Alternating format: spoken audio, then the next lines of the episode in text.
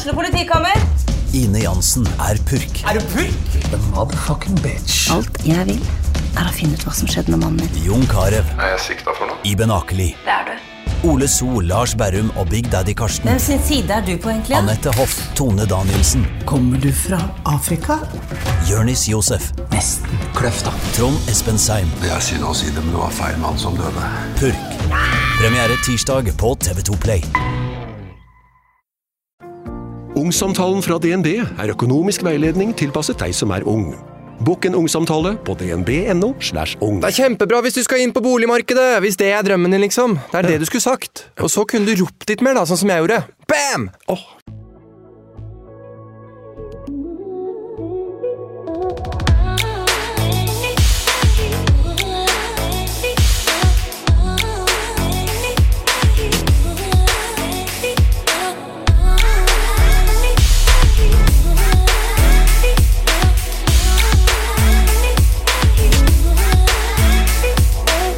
jeg sier at jeg levde i en forbannelse som fikk meg til å elske meg selv igjen, så tenker du sikkert at dette ikke er viktig. Men det er nettopp hele livet. Jeg er meg, og jeg er mer enn god nok som jeg er. Reisen min hit har vært et helvete. For meg har reisen vært lang og krevende med flere stoppepunkt. Det er ikke konkret én ting som har fått meg ut, men det er hele prosessen. Jeg sier ikke at jeg hver dag er flink og klarer de tingene du nå skal få høre om, men jeg prøver, og jeg gjør så godt jeg kan. Jeg har fått bakkekontakt, blitt jordet, blitt trygg i meg selv, og jeg er nærmere og elsker meg selv betingelsesløst redskapene jeg trenger for å kunne leve med mine traumer. For meg har hver dag vært en kamp. Det føltes håpløst. Det føltes umulig, og jeg skal si dere hva løsningene var for meg. For meg er det viktig å bryte stillheten som ligger over den nakne sannheten om hvor jævlig livet faktisk kan være. Jeg har hatet verden og var min verste fiende. Jeg ønsker å hjelpe deg som har vært utsatt for incest og voldtekt. Jeg ønsker å hjelpe deg som har vært utsatt for traumatiske hendelser og psykiske lidelser av ulike årsaker. Jeg ønsker å fortelle deg at du er ikke alene. Alle kan hate, være sinte og lei. Livet har ikke alltid en mening. Jeg har skrevet en bok om min historie som ble utgitt sommeren 2019. Denne boken er like mye for pårørende, de som ønsker å lære, er fagpersoner, ønsker å få innblikk i situasjonen, eller ønsker en helt ærlig nakenbok uten filter å lese. Dette er min virkelighet. Det viktigste for meg er å kunne dele min historie og min erfaring. Vise og opplyse. Jeg kaller boken Forbannelsen som fikk meg til å elske meg selv igjen, nettopp fordi jeg vil vise dere mitt helvete og veien tilbake igjen. Det er håp, og det går. Det går an å tilgi. Det er et valg. Hvis du vil tilgi, så kommer du til å klare det. Det er et helvete og en kamp uten like. Jeg sier ikke at det verken er eller vil bli lett. Du er så utrolig mye sterkere enn du tror, og du fortjener å ha det bra. Kanskje noen har tatt noe fra deg, og kanskje du vil elske deg selv igjen. Det tar tid, og veien er lang. Jeg har ikke fasiten, men jeg lover at du kommer dit, og at du vil komme dit, og at det er verdt det. Din fortid er ikke noe som definerer deg mer enn du selv lar det gjøre. Jeg måtte lære meg at det ikke var min skyld. For meg handlet det om å lære meg å leve med det. Det er ikke en skam å spørre om hjelp. Og det går faktisk ikke an å klare noe som dette alene i lengden.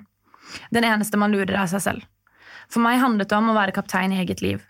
På en måte er jeg også takknemlig. Hadde ikke disse tingene skjedd, så hadde jeg ikke vært den utgaven jeg er i dag, med den livserfaringen jeg har. Når jeg googler eh, tabu, kommer det opp at eh, tabu er et slags forbud. Eh, en forestilling om at en gjenstand, et begrep, en person eller en gruppe ikke må nevnes eller røres ved. Og i november er temaet i podkasten min nettopp tabu. Jeg vil snakke om det vi ikke snakker om, det vi skammer oss over, og det som det nærmest er forventa at vi ikke skal snakke om. For noen kan det å ha mensen være stort tabu. For noen kan det å være forelsket i samme kjønn være tabu. Og for noen kan det f.eks. være å ikke ha nok penger. Og i dagens episode er temaet noe av det verste jeg kan tenke meg, nemlig incest. Når jeg tenker meg om, så slår det meg at jeg ikke kjenner noen som har vært utsatt for det.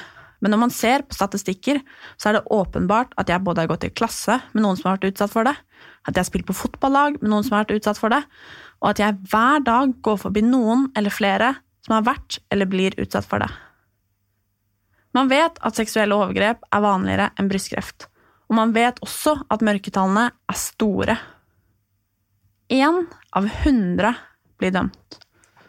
10% av alle kvinner blir utsatt for voldtekt, og halvparten av de opplever det når de er under 18 år. I dagens episode snakker jeg med Jannike. Jannike er 24 år gammel, og hun har blitt utsatt for incest i syv år. Hun var fire eller fem år da det begynte. Hun klarer nemlig ikke helt å huske om hun hadde hatt bursdag ennå eller ikke. Hei, Annike, og velkommen. Hei, tusen takk. Hvordan har du det? Jeg har det ganske bra. Så bra. Godt å høre. Hvem eh, er du?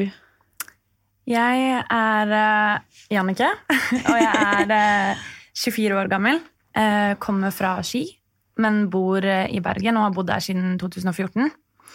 Eh, jeg eh, er en person som eh, liker å ha masse å gjøre, så jeg er både fulltidsstudent og har eh, jobb. eh, og er forfatter og foredragsholder ved siden av.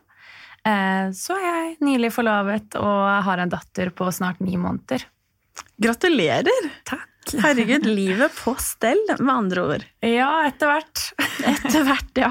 Eh, fordi månedens tema er jo tabu. Ja. Og det vi skal snakke om i dag, er eh, Det er skikkelig tabu. Og jeg merker at eh, jeg syns at eh, det er skikkelig vanskelig å skulle snakke om det.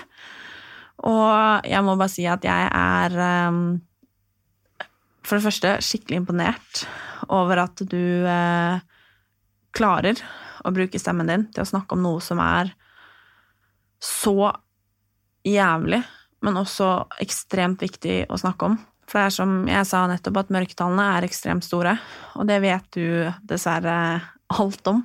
Ja. Men eh, for å begynne, da. Eh, hvorfor er det viktig for deg å snakke om det du har vært utsatt for?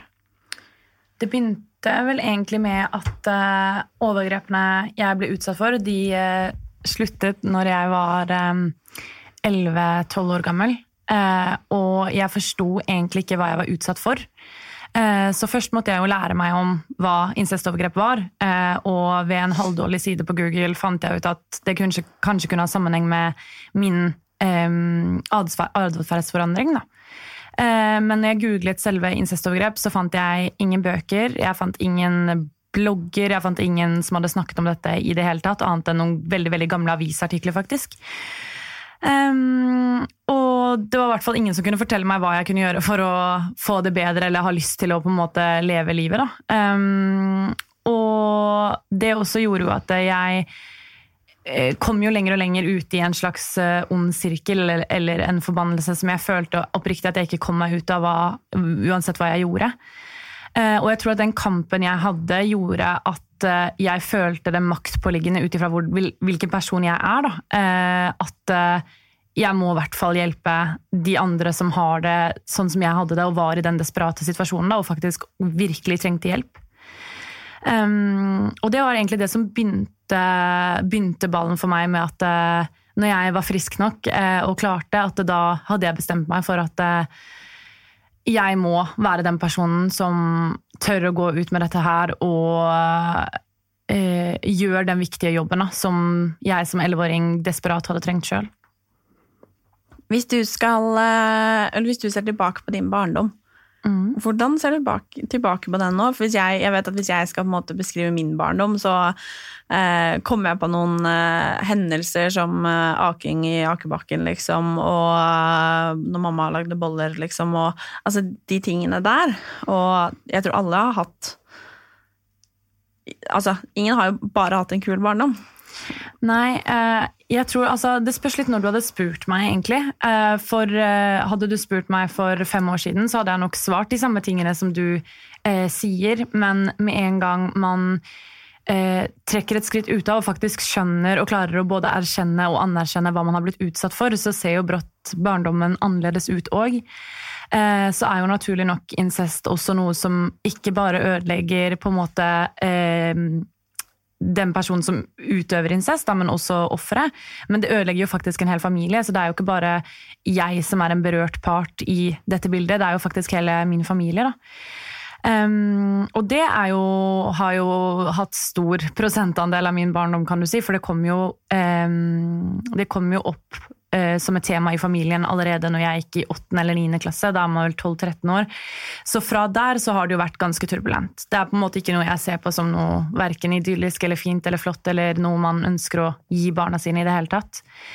Eh, og før det så er det egentlig veldig få gode minner jeg kan ha nå. Eh, så klart med eh, de gode omsorgspersonene mine som mamma og, og, pappa og lillebroren min, der har jeg kjempemange flotte ting å si, men med de andre så er det egentlig Det går på svik, det går på skuffelse, det går på at de ikke vil meg godt, eh, at jeg aldri har vært god nok. Um, og det er jo ikke noe gøy å sitte og tenke at du har følt på det som ja, fra du var fem år da, til egentlig den dag i dag, men nå har jeg jo klart å på en måte komme meg forbi det. da. For hva var det som skjedde? Det begynte med at uh, når jeg var fire-fem år, så er det jo en, uh, et familiemedlem uh, i nær relasjon da, som Vi kan jo kalle han Frank, bare for at det er det han har fått et fiktivt, fiktivt navn som i boken. Um, som når han var på besøk, så så vi sammen, for vi hadde ikke all verdens plass. så det ble på en måte naturlig. og da begynte det egentlig i det små. altså Jeg føler meg utrolig stygg når jeg sier det, men for meg var det smått. Eh, mm. Så var det, begynte det med at det, eh, det var uskyldige ting som at um, han kunne kose på armene mine eller i håret. eller Så utviklet det seg videre til at nei, jeg kunne ikke sove med pysj om natten, for det kom til å bli varmt. Eh, og veldig mye sånn alltid hadde et svar på ting, var alltid veldig glad i meg. hadde sa de flotteste og store ord på en måte som man kan gjøre til et barn. Da, da blir man jo sett. Um, og etter hvert så ble det til at han uh, Jeg ble en forlengelse av hans kropp, kan du si. Altså, han brukte jo min arm uh, eller min hånd på seg selv. Uh, og etter hvert begynte å ta på meg. tvang meg til å suge han og holdt hodet mitt hardt og dro fram og tilbake. Og jeg husker den kvelende følelsen den sitter i meg enda. Jeg, jeg blir nesten litt sånn, har litt problemer. Um, og senere da over til å utøve samleie. Og det også ble jo verre og verre og av en grovere karakter kan du si, jo eldre jeg ble. da. Eh, som også begynte å omhandle vold og trusler, som at hvis jeg sa noe til moren min, så kom det til å bli mye verre for meg. Og lignende. da. Så jeg ble jo på en måte truet i eh, stillhet. Og eh, det ble på en måte en grovere og grovere karakter ut ifra hver gang eh, det skjedde noe. da. Oi. Mm. Og du var fire-fem år gammel da det begynte? Ja. Hva tenkte du da? Jeg husker egentlig ikke så mye av hva jeg tenkte på det tidspunktet, men eh, det blir jo mer at eh, det, det passa ikke. Altså, det er på en måte den nærmeste beskrivelsen jeg kan få. Og jeg husker også at jeg var så fascinert egentlig over hvor for jeg hadde jo naturlig nok eh, sett folk uten klær. altså Jeg har jo en lillebror også, blant annet, så jeg, jeg var så fascinert over hvor, hvordan det ikke passa. Eh, og det sier jo også litt om aldersforskjell og kjønnsforskjell og hvordan man bare taper eh, som en liten jente i den situasjonen. Um, men også husker jeg også hvor, at jeg hadde vondt, eh, og jeg har også på en måte et minne av det, spesielt det første eh, samleiet som ble overført. At det var at jeg på en måte gikk ned på badet og så over et sperr, for jeg var 110% sikker på at jeg, det var helt ødelagt. Jeg hadde så vondt. Så det er mer sånne ting. Men jeg husker også at jeg desperat liksom ville at han skulle bli glad i meg igjen. At, at, han, at, jeg ville at han skulle si at 'jeg er glad i deg, jeg gjør dette bare fordi jeg ønsker å beskytte deg'. Eller, for han hadde på en måte alltid svar på tingene og eh, var på en måte så snill og god. Da, og han var jo mitt største forbilde. Så eh, fra den tiden så har jeg ikke så mye vonde ting eller vonde minner egentlig annet enn det fysiske, kan du si. For det psykiske begynner jo først å balle på seg etter hvert, da. Hvordan påvirka det deg? Du hadde jo ikke begynt på skolen ennå engang, når du var liksom fire-fem år. Jeg tror um, Jeg tror det begynte gradvis å på en måte få utslag i at uh, jeg har jo alltid vært veldig sosial og veldig utadvendt, og sånne type ting, men det på en måte avtok jo mer og mer med årene og ble mye mer kald, kanskje. Eh, ikke så veldig sånn som hadde lyst til å være med andre, sove hos andre. Jeg, så det fikk jo noen trekk allikevel. Da. Eh, og så hadde jeg heller kanskje ikke grenser for min egen kropp. altså Veldig mange barn i en bestemt alder er jo veldig sånn De skal vaske seg selv, og de, skal, de blir veldig selvstendige, på en måte, og den eh, fasen fikk jeg aldri. Eh, så jeg, hadde på en måte ingen grense. Det var akkurat sånn som på en måte min kropp var alle andre, så jeg brydde meg på en måte egentlig ikke helt hva som skjedde med den. da. Eh, og det er jo et typisk tegn hos barn eh, som man kan se etter. da, At de rett og slett ikke har den typiske atferden som at de får den selvstendighetsfasen. Eh, men etter hvert så ble det jo også mer det at det ble en maske jeg tok på meg, tror jeg. At eh, jeg måtte på en måte bære meg selv, for det var det ingen andre som gjorde. Det var jo ingen som så meg. Jeg ble jo ikke sett av det som skjedde, da. Um, og så var det jo egentlig først når overgrepene tok slutt, at uh, de virkelige konsekvensene kom. For det var da jeg skjønte at ok, her er det jo et eller annet som ja, skjer, da. Var det noen rundt deg som merka noe i det hele tatt? Nei, det var ingen som merket noen ting. Uh, og eh, som barn, da, når du får høre på en måte at hvis du sier noe til mora di, så blir det verre for deg, eh, så var jeg ganske sikker på at eh, jeg ikke klarte noe verre, på en måte. At eh, Oi, hva skjer da, på en måte? Altså, jeg vet jo ikke hva jeg var redd for, men jeg visste i hvert fall at det verre var ikke noe jeg var i stand til å takle der og da.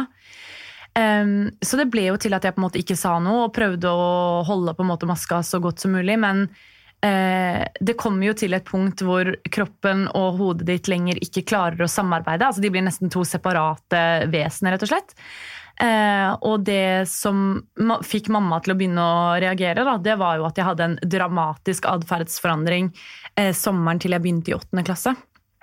Eh, og enda da så kom det jo på meg, altså, Det er jo de vanlige unnskyldningene man kommer med til barna sine. 'Å nei, nå er det puberteten, og nå er det begynt på ungdomsskolen', og 'nå er det litt sånn finne seg selv'. og Det ble jo på en måte unnskyldt med veldig mye rart, da, både fra skolen sin side og fra eh, venner og familie. og ja. Så det, jeg ble bare plassert i den problembarnboksen, egentlig, og uten at noen tenkte at 'oi', undra seg over hvorfor er hun som hun er', da. Hvordan var det du var? Jeg var eh, nok veldig altså Jeg valgte jo for det første et veldig feil miljø. altså Jeg valgte jo et veldig destruktivt miljø, kanskje, som tester grenser, hvor eh, jeg kan på en måte tenke meg at folk ikke har lyst til å ha barna sine i sånne type miljøer, da, for å si det sånn. Eh, og så var det jo tidlig liksom, bruk av eh, snus og røyk og altså, litt sånn eh, Ja.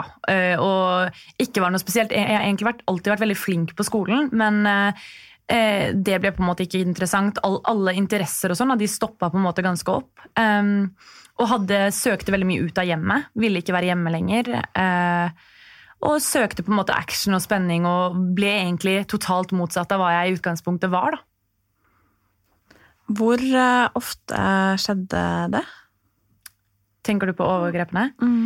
Eh, det skjedde jo hver gang Frank var hjemme hos oss, da, så det er jo snakk om Ja, det må vel være kanskje et sted mellom Jeg vil tørre å si at det nærmer seg kanskje bortimot 1000 overgrep. Mm. Oi. Ja. Så, og ikke alle av like alvorlig karakter, men det er eh, nærmere 1000 overgrep, vil jeg tippe. Det er mye. Det er mye. Jeg kjenner at jeg nesten blir helt eh, stum. Eh, og så blir jeg veldig sint. Du ser det sikkert på meg. Jeg ser det på deg. Mm. Eh, fordi at det er så forferdelig. Mm. Når var første gang du eh, hørte om sex? Sånn på skolen eller av noen andre? Utenom på en måte overgrepene. Jeg kan ikke si at jeg husker at jeg har hørt på en måte noe om sånne ting. i det hele tatt. Altså, jeg husker på en måte en naturfagstime her eller der hvor man snakket om på en måte kvinnelig kjønnsorgan og mannlig kjønnsorgan og sånn, men det var på en måte i den karakteren at eh, jeg visste hva det var. på en måte, At det, i mm, gutten sitt underliv ser det sånn ut, og dama sånn, men det var, det var på en måte ikke noe mer enn det. Så jeg skjønte fortsatt ikke ved hjelp av den naturfagstimen da, at eh, det jeg ble utsatt for, faktisk ikke var greit. Eh, og Det er også derfor jeg på en måte brenner så fælt for at dette tabubelagte temaet altså Det må skje noen endringer, liksom. Eh, fordi eh, altså det, det ødelegger liv, da. Og um, det er ikke noe selvfølge, da, for å si det sånn, at jeg sitter her den dag i dag. i Det hele tatt. Det er mange ganger jeg har tenkt på at det, dette orker ikke jeg mer. Og jeg er bank i bordet ekstremt takknemlig for at jeg fant håp, og for at jeg kjempa min kamp. Men det viser så ekstremt viktighetsgraden av da, å snakke om disse tingene, at vi klarer å normalisere det og gjør at bl.a. skole faktisk kan gi deg den nødvendige informasjonen du trenger angående både seksualundervisning, men hva, hva er greit og hva er ikke greit. Du bestemmer over din egen kropp. altså De basic, vanlige tingene. da, Vi trenger liksom ikke å gjøre det så veldig vanskelig. Så um, ingen, uh, ingen uh, ting på skole eller sånn som fikk meg til å skjønne at uh, dette var feil. da. Skjønte du at det var på en måte sex det handla om? Nei, for, for meg så det har på en måte aldri Og det er der jeg også blir litt sånn når folk sier til meg eh, For eksempel, jeg husker veldig godt en venninne som jeg snakket litt med, så sånn Ja, men også hadde du jo sex med denne Frank, da. Eh, og da, altså Det kokte så vanvittig i, inni meg. Altså Jeg blir så sint hvis man skal sammenligne sex og voldtekt, for det er absolutt ikke det samme. Eh, og i tillegg så er det noe med det at eh, jeg distanserte meg veldig fra alt som hadde med sex å gjøre, for jeg trodde jo at det jeg hadde blitt utsatt for, var sånn det måtte være.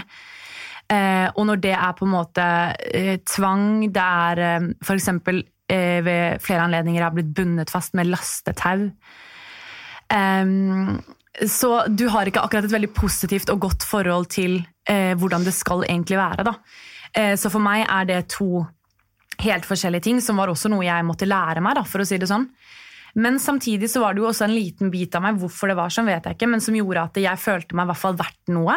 At det var på en måte det jeg måtte gjøre for at noen skulle si at de var glad i meg. At det var på en måte litt sånn jeg ble opplært. da. Så for meg så har egentlig sex aldri vært noe fint og fantastisk, eller det har kun blitt sam altså, hatt sammenheng med overgrep. da. For hvordan har det vært? Jeg vet jo sånn når Jeg husker ikke første gang Jo, jeg gikk vel på ungdomsskolen, tror jeg. Første gang jeg hadde sex. Mm. Eh, det var ikke Det var det var sånn det var, det. Det var ikke noe mer enn det, liksom. Og jeg husker liksom eh, Og sånn i ettertid, sånn Man snakker jo veldig mye om eh, sånn Ja, hvor mange har du ligget med? Har du hatt sex? Ikke sant? Mm. Og Eller nå Altså, bare jeg har en venninne nå som holder på med en fyr, liksom, hun lurer veldig på hvor mange han har ligget med, liksom.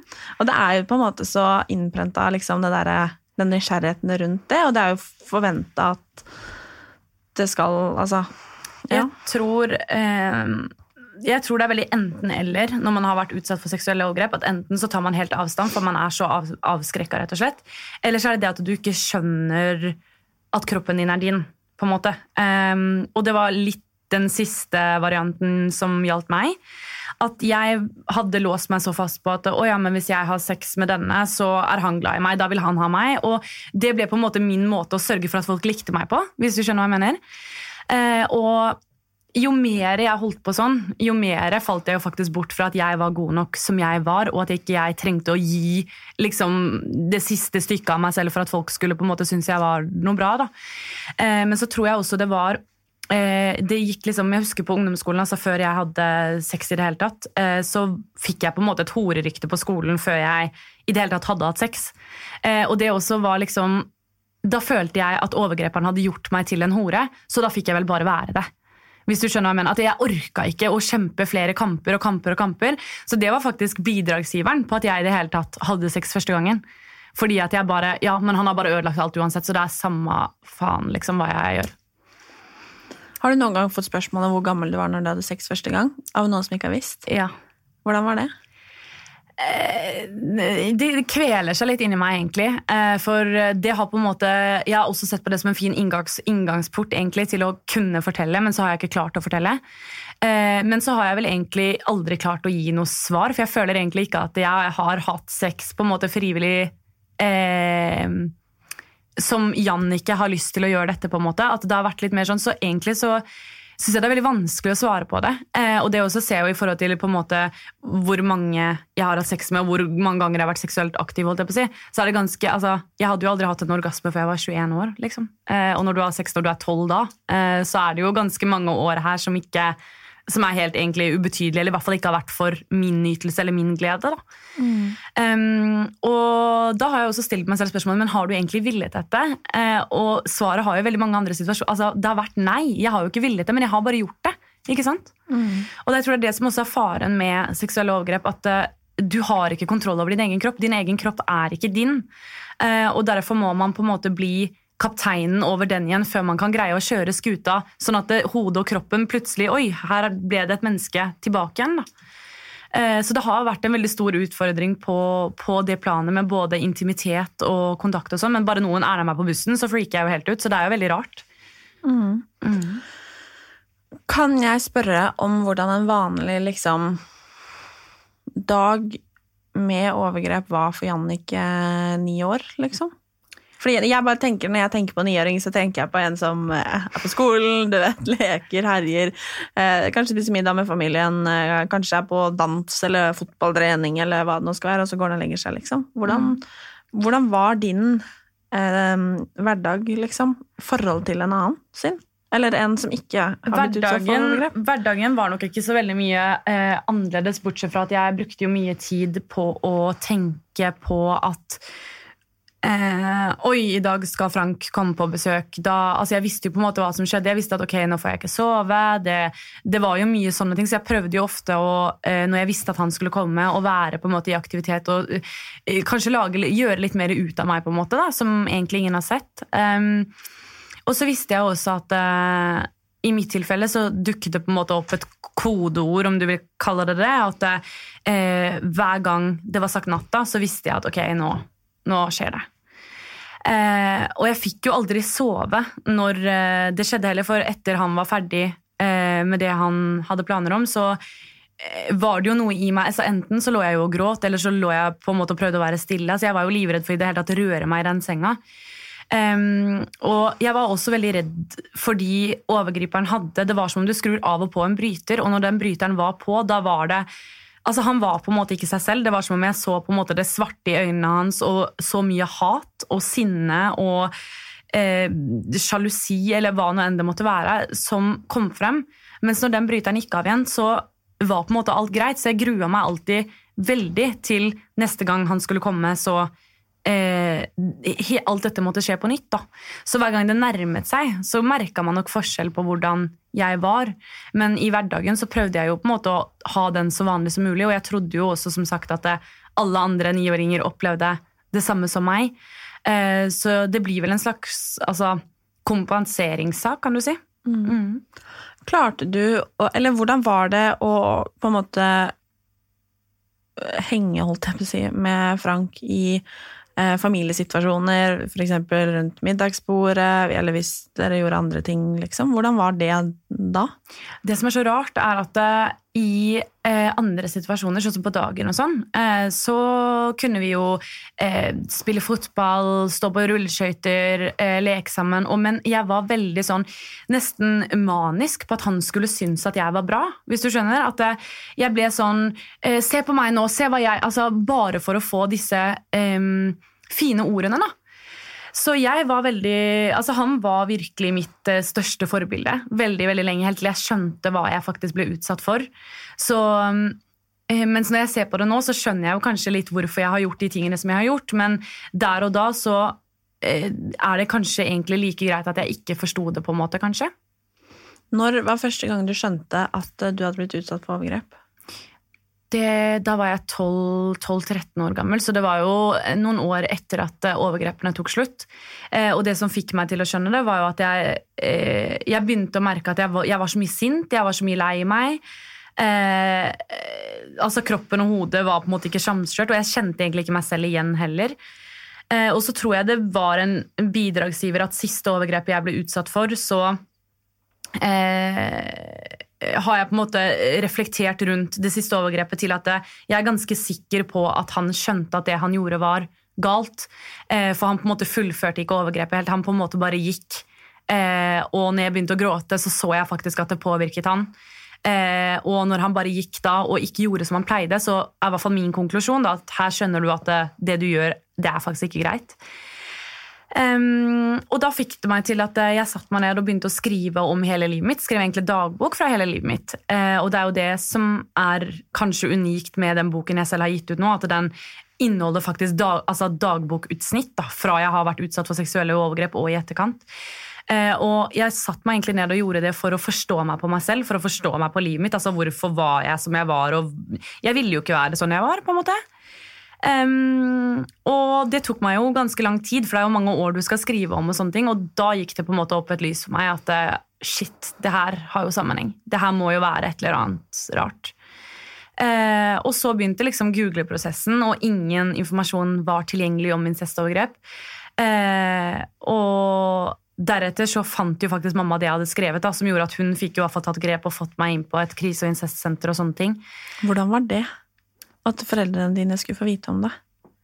Det Jeg husker fortsatt eh, at hun fant det og satt med det jeg hadde skrevet liksom, i hånda si og sa 'hva er dette her for noe'? Um, og da var det, På en måte så var jeg veldig glad for at noen endelig visste, men på en annen side så var jeg liksom sånn Nei, nei, jeg har bare funnet på dette her, selvfølgelig. Det har ikke skjedd. Og, altså, jeg, jeg, ville unnvike situasjonen, og jeg hadde ikke lyst til å svare på spørsmålene hennes. Eh, men heldigvis for meg så trodde jo ikke mamma at et barn eh, på, For hun så jo når det var, altså, når det var skrevet. Eh, og hun sa at et barn fra 8 til 11 år sitter ikke og finner på dette her på rommet sitt altså, uten at det er noe hold i hvert fall noe av det. da. Så hun skjønte at hun kom jo ikke, hun greide ikke å trenge seg inn, og da måtte hun jo få hjelp av en hjelpeinstanse. ikke sant? Um, og da ble jeg sendt til krise- og incestsenteret. Så, og pappa også ble jo, ble jo uh, konfrontert på dette tidspunktet. altså Foreldrene mine er gift, så de bor jo under samme tak. Uh, men det som er liksom på en måte spesielt med incestovergrep, er at du har jo på en måte eh, mamma og pappa som har hver sine familietrær. da, eh, Og så har jo de fått meg, så her ble det jo en kamp på en måte familie mot familie i tillegg. Eh, og det gjorde jo at jeg utviklet jo også mye skyldfølelse for at eh, jeg ødela min egen familie. sant? Ja. Mm. Skamma du deg ovenfor foreldrene dine? Ja, det gjorde jeg. Masse. Og én ting var på en måte overgrepene, og, men en annen ting var at jeg følte at jeg var skylden i at deres ekteskap holdt på å gå til helvete. Så, og det er mye ansvar for en tolvåring ja, å bære på sine skuldre at uh, ikke nok med at du liksom har ødelagt uh, ødelagt kjernefamilien din, liksom, men det fortsetter jo bare i ledd. For dette treet er jo stort, så til slutt så er det bare en eneste stor krig mellom den ene familien som faktisk tror på deg og støtter deg og har valgt deg, da. Eh, og så er det en annen side av familien som absolutt ikke tror på deg, og ja. Så, så det er Jeg skjønner hvorfor mange ikke kommer, kommer ut med det, og jeg skjønner også hvorfor mange ikke klarer å stå i det, rett og slett. Hvordan var det å ikke bli trodd på det som hadde skjedd? I starten, faktisk, altså når jeg var såpass ung, så var det det at For det var veldig mange som sa til meg ja, men er du sikker på at det har skjedd? Er du sikker, liksom, altså Betvilte veldig det jeg sa. Og da ble jeg til slutt sånn Ok, er jeg, er jeg så syk i hodet at jeg bare tror at dette har skjedd? Altså, Kan det stemme, på en måte? Altså, er jeg Og så var det også en smarting som sa liksom at eh, ja, men alt med psyken handler om hvordan du liksom omstiller huet ditt. Og eh, hvis du bare tenker litt positivt, du, så blir livet liksom positivt. Eh, og altså, Der og da skjønte jeg på en måte ikke så mye av hva det på en måte betydde. Men altså, i ettertid, altså, jeg har vært så forbanna. Fordi de har jo vært med på å betvile på en måte at jeg har, har betvilt meg selv nok en gang. sant? Så det de egentlig gjør er at Istedenfor å på en måte møte barnet og ta barnet på alvor, så sparker de jo meg vekk. Og det gjør jo at Jeg har jo aldri fått være verken barnet eller offeret. Og det har jeg først fått være liksom i ettertid når jeg har blitt voksen. da. Og det er jo helt for jævlig. Det er jo ikke sånn situasjonen skal være. sant? Så, mm, og det å ikke bli trodd altså, Enda så er det jo en del av min familie som ikke tror på meg. Eh, men det har jeg på en måte eh, lært meg at det, det, må jeg leve med, eh, rett og slett. Men jeg klarer ikke å fatte at det går an å ikke tro på noe sånt. Altså, jeg, hvis jeg hadde sagt dette ved en anledning, så kanskje det Ja, da skulle jeg skjønt det, men her er det på en måte et så stort og omfattende problem.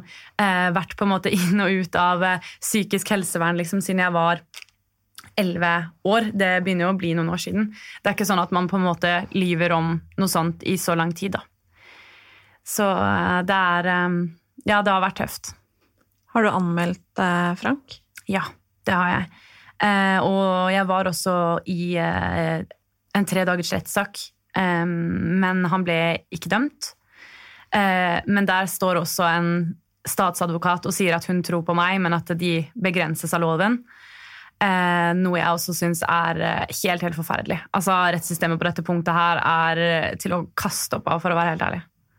Så, og det også er at en rettssak for et incestoffer er å retraumatisere seg selv. Eh, og det er ingen som vil utsette seg selv for det. Hvis ikke du har, altså Vi blir jo behandlet likt. Vi gikk inn og ut av samme dør, vi satt ved siden av hverandre. Her sitter to familier. De som støtter han, sitter bak han. De som støtter meg, sitter bak meg. Altså Det er en helt for jævlig situasjon. da. Herregud, så forferdelig. Ja, eh, og jeg sto også inne i tinghuset. altså Jeg greide jo ikke å bevege meg. Jeg ble helt paralysert. altså jeg satt meg ned og bare, Jeg klarte ikke å bevege en muskel i kroppen. Eh, og så var det sånn, ja, nei, nå, kom igjen. Liksom, det, altså, det er på en måte ikke noen menneskelig forståelse inne i bildet. Det er på en måte kun den røde boka som på en måte gjelder, og det er det, da. Eh, og dessverre så er det jo sånn at det, det er så ekstremt mange overgrepssaker. Både van, altså seksuelle overgrep i form av sovevoldtekter eller festvoldtekter, eller sånne ting, men også i veldig stor grad incestovergrep som ikke blir dømt. da. Eh, på, for det er på en måte bevisene som eh, er enten for gamle, eller at eh, tanta di på ja, 50-60-70 år da, på en måte husker, sier én ting feil. ikke sant? Altså Husker ikke om det var en julaften eller om det var en påske. ikke sant? Så er det alt er med, og all tvil skal jo gå tiltalte til gode. sant? Så mm, det, det, var en umenneskelig situasjon, og det å vite at han på en måte ikke er dømt, det, det, det gjør vondt. Det gjør det. Mente han at det ikke hadde skjedd? Ja. det er, eh, når jeg satt i den rettssaken, så tenkte jeg at uh, hvor mye et menneske kan ljuge, det den, det slo meg altså, at vi sitter, og det å sitte og se på noen ljuge altså du, Begge vet sannheten, og én sitter og ljuger så sinnssykt som det der. er. Altså, det er helt banalt å sitte og se på. Det er, uh, og det er nesten sånn at du har lyst til å liksom bryte inn hver eneste gang det er noe. sant? Um, men uh, på en måte også så er det sånn altså, Nå skal på en måte ikke jeg forsvare det han har gjort, heller, men altså, han har jo kanskje ikke noe annet valg heller. sant? Han skal, han må jo også på en måte stick to the story i forhold til hva han har fortalt fra tidligere òg. Jeg var jo ikke sjokkert over at han satt og løy i retten, men det var bare når du omtrent lyver om hva du spiste til middag i går, så blir på en måte alt for dumt. da. Mm. Hvordan har det vært å møte han i ettertid, eller har du gjort det i det hele tatt? Jeg har ikke møtt han i ettertid, og jeg hadde heller ikke møtt han på mm, Det er vel fire år, tror jeg, før rettssaken. Eh, og det var eh, Jeg tror ikke jeg skal gå eh, rundt her i Oslo, som jeg kan risikere å gjøre å møte på han, eh, det tror jeg ikke ville vært eh, en god ting for meg. Da. Eh, for det du, som jeg nevnte i stad, når jeg var i den rettssaken og så han òg, at kroppen paralyserer seg, jo, du blir jo redd. altså Du får jo panikk, panikkangst, rett og slett. Um, og det samme kan jeg merke nå hvis jeg hører navnet hans. Eller, altså, jeg blir helt sånn eh, Selv om jeg sitter veldig fint og flott og snakker om det nå, så er det jo fortsatt ting i meg som gjør at det, altså, seksuelle overgrep det rammer jo hver celle i kroppen, sant? og det må man jo heller aldri glemme. Så det er ikke noe som heter at det blir borte eller at man blir frisk fra det. eller Det handler bare om å leve med det. sant? Eh, og Noen dager så er jeg kjempeflink og klarer det, men andre dager så ligger jeg jo hjemme med lyset avskrudd og greier ikke å gå en meter. sant? Så um, å møte på han, det Jeg vet ikke hva som hadde skjedd, men jeg tror ikke jeg hadde klart det så veldig bra. Har du vært redd for at det for det første gjelder flere enn deg, og at han kommer til å gjøre det igjen, eller at han har gjort det igjen? Nei, jeg tror, ikke, jeg tror ikke det. For i mitt tilfelle så tror jeg det handler om uh, noe helt annet enn akkurat uh, overgrepene i seg selv. Um, men det blir jo på en måte når du ser på, på måte, relasjoner mellom mennesker altså, og studerer på en måte bildet litt nøyere, så tror jeg det i min situasjon har handlet mye om hat og sjalusi og den, den type ting. Eh, og det samme eh, han har hatt muligheten til å hate meg for å være sjalu på meg for, da, det tror jeg ikke noen andre vil være i stand til å gi han, hvis du skjønner. Så jeg, jeg ser jo ikke han på som en reell fare for at han kommer til å gjøre det mot noen andre, men bare det at du skal gå fri fra utsatt et menneske for over 1000 overgrep, det syns jeg jo er ganske sjukt i seg selv. Det burde ikke vært mulig. Nei, det burde ikke vært mulig. Hvordan var det for deg å skulle ha vanlig sex eh, igjen? Eller for første gang, da, om man skal kalle det det? Eh, jeg tror jeg egentlig bare skrudde av litt, for jeg kan på en måte egentlig ikke huske det. Eh, og jeg kan egentlig ikke huske noen ganger, altså bortsett fra med eh, han jeg har barn med. da. Eh, men jeg tror jeg rett og slett bare har skrudd av at å nei, nå kommer det her igjen. Da bare melder jeg meg helt ut, og så er det bare det det er, på en måte. Um, og så når jeg først begynte å, eller hadde vært i behandling og ordentlig på en måte begynte å gå i tingene, da var jeg jo kjemperedd for å ha sex på nytt. Så det gjorde jo også at når jeg møtte min eh, samboer, da, eh, så eh, måtte jeg jo fortelle han, altså Han begynte jo sikkert å tenke på hva slags rar, rart vesen jeg var. Eh, så jeg måtte jeg kom meg på en måte ikke utenom å fortelle han det heller, for å på en måte kunne klare å ta hensyn til meg selv og ikke gå over mine egne grenser. da. Eh, så det er egentlig først mm, i ettertid, altså typ for tre år siden, jeg klarte å begynne å slippe litt opp og være til stede i det rommet hvor ting faktisk var fint og flott og hyggelig, da. Eh, enn at jeg for, altså, Det jeg gjorde før, var å bare melde meg helt ut, rett og slett.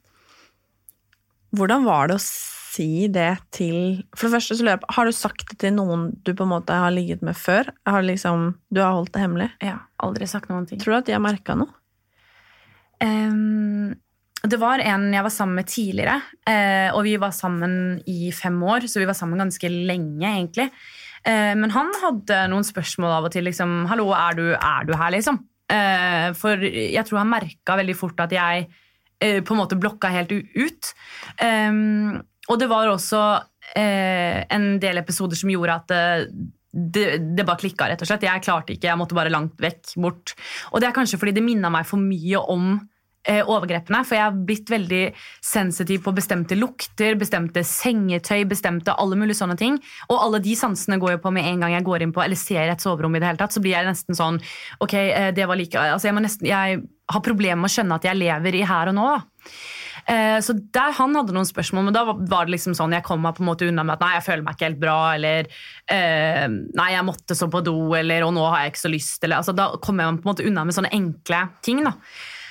Eh, men jeg møtte jo min nåværende samboer rett etter jeg var ferdig i behandling. Eh, og da var jeg på en måte mer klar og trygg i meg selv til å faktisk fortelle hva jeg hadde blitt utsatt for. Og jeg klarte det ikke i detalj med en gang, men det var på en måte nok å si at eh, kan, kan, vi bare kjøre ting i mitt tempo fordi sånn, altså jeg har blitt utsatt for incestovergrep i så, mange år. Men da hadde han naturligvis no mange spørsmål.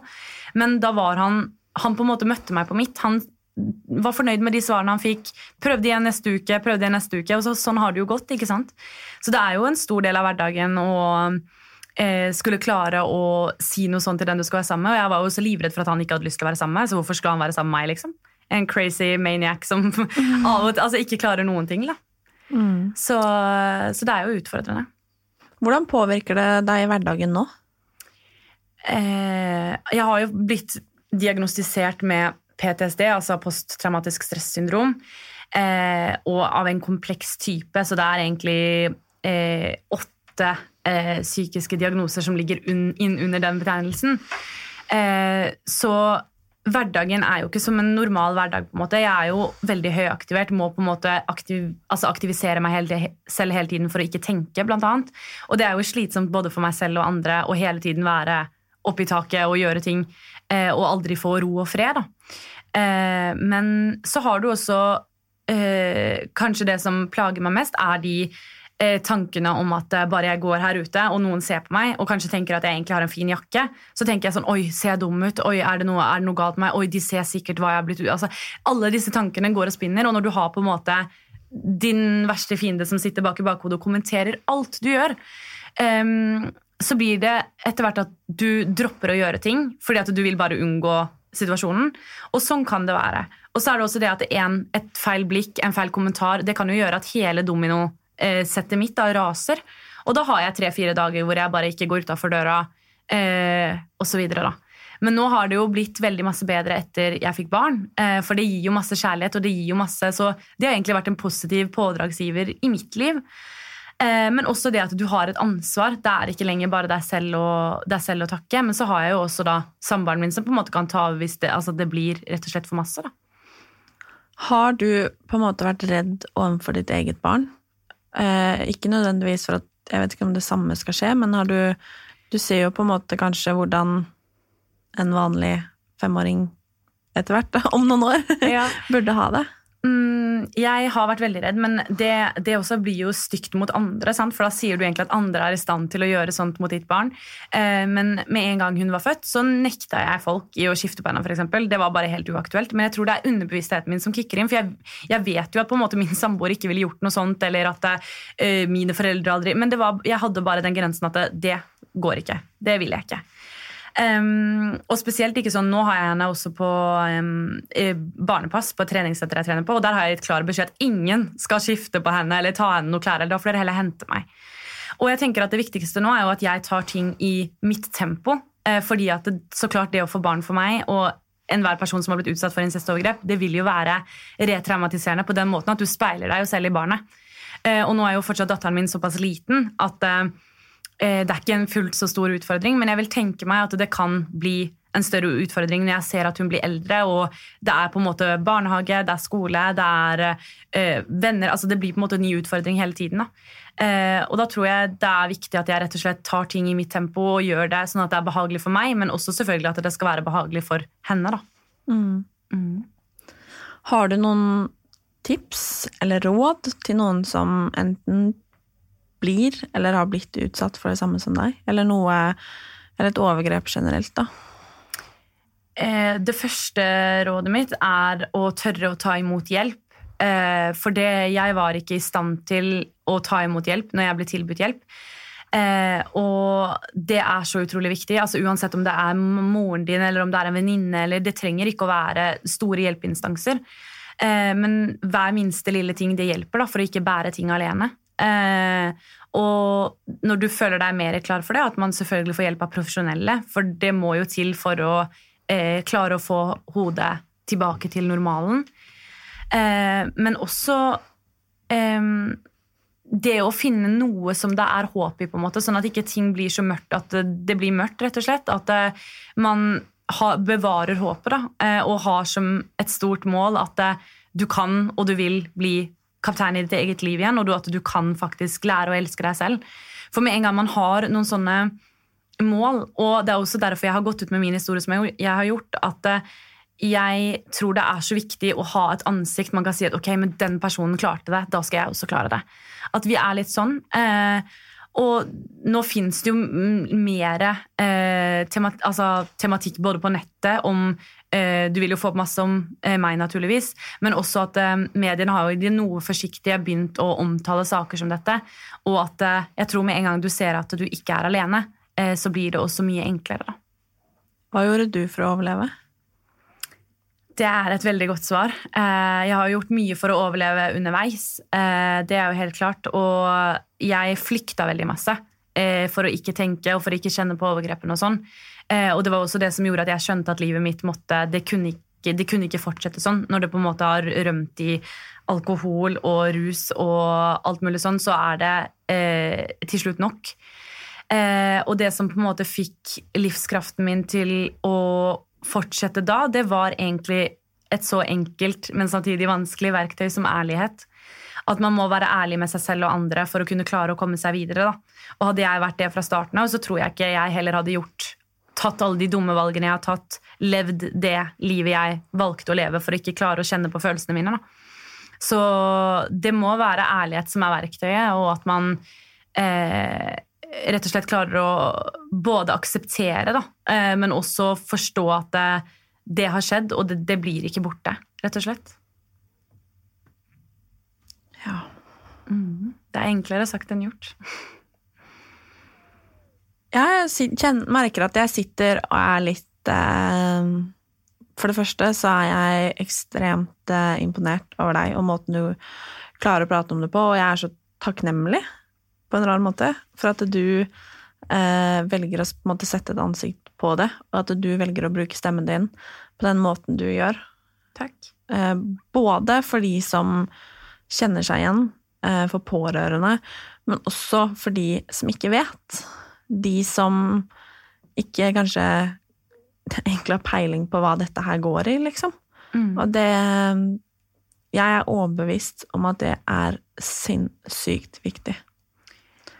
Det tror jeg også det er, og at den det jeg gir, da, det er på en måte ikke bare noe som er for utsatt, men også pårørende. Og eh, fagpersoner og folk som bare trenger en, å bli vist og opplyst om tematikken. Og spør du meg, da, så burde eh, alle bli tvunget til å faktisk lese det og forstå at dette skjer rundt oss hver eneste dag. Og eh, det er faktisk vi som også lar det skje, i den grad at vi ikke bryr oss.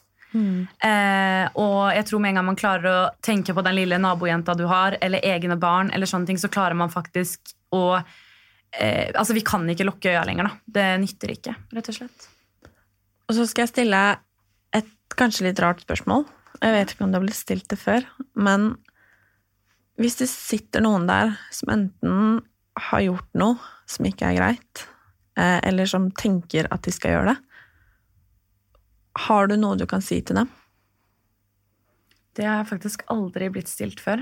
Um, men det første jeg tenker på, er jo hva jeg ville sagt til min egen overgriper. Uh, og det er egentlig at eh, jeg håper du er klar over at det ødelegger liv. Eh, og jeg skulle så utrolig ønske at eh, du kunne stått i mine sko bare én dag og skjønt hvor mye skade du har påført meg. Eh, og hva jeg er nødt til å leve med for resten av livet. For hele livet mitt har jo blitt tatt fra meg. Jeg har jo måttet konstruere et nytt menneske ut av meg. Eh, og de konsekvensene tror jeg ikke en som utfører seksuelle overgrep, er klar over. Eh, og det er kanskje det viktigste jeg vil be folk tenke over. Mm. Tusen, tusen, tusen takk for at du kom og delte av hele deg. Jo, tusen takk for at jeg fikk lov til å komme. Det satte jeg ekstremt stor pris på. Takk. Takk for i dag.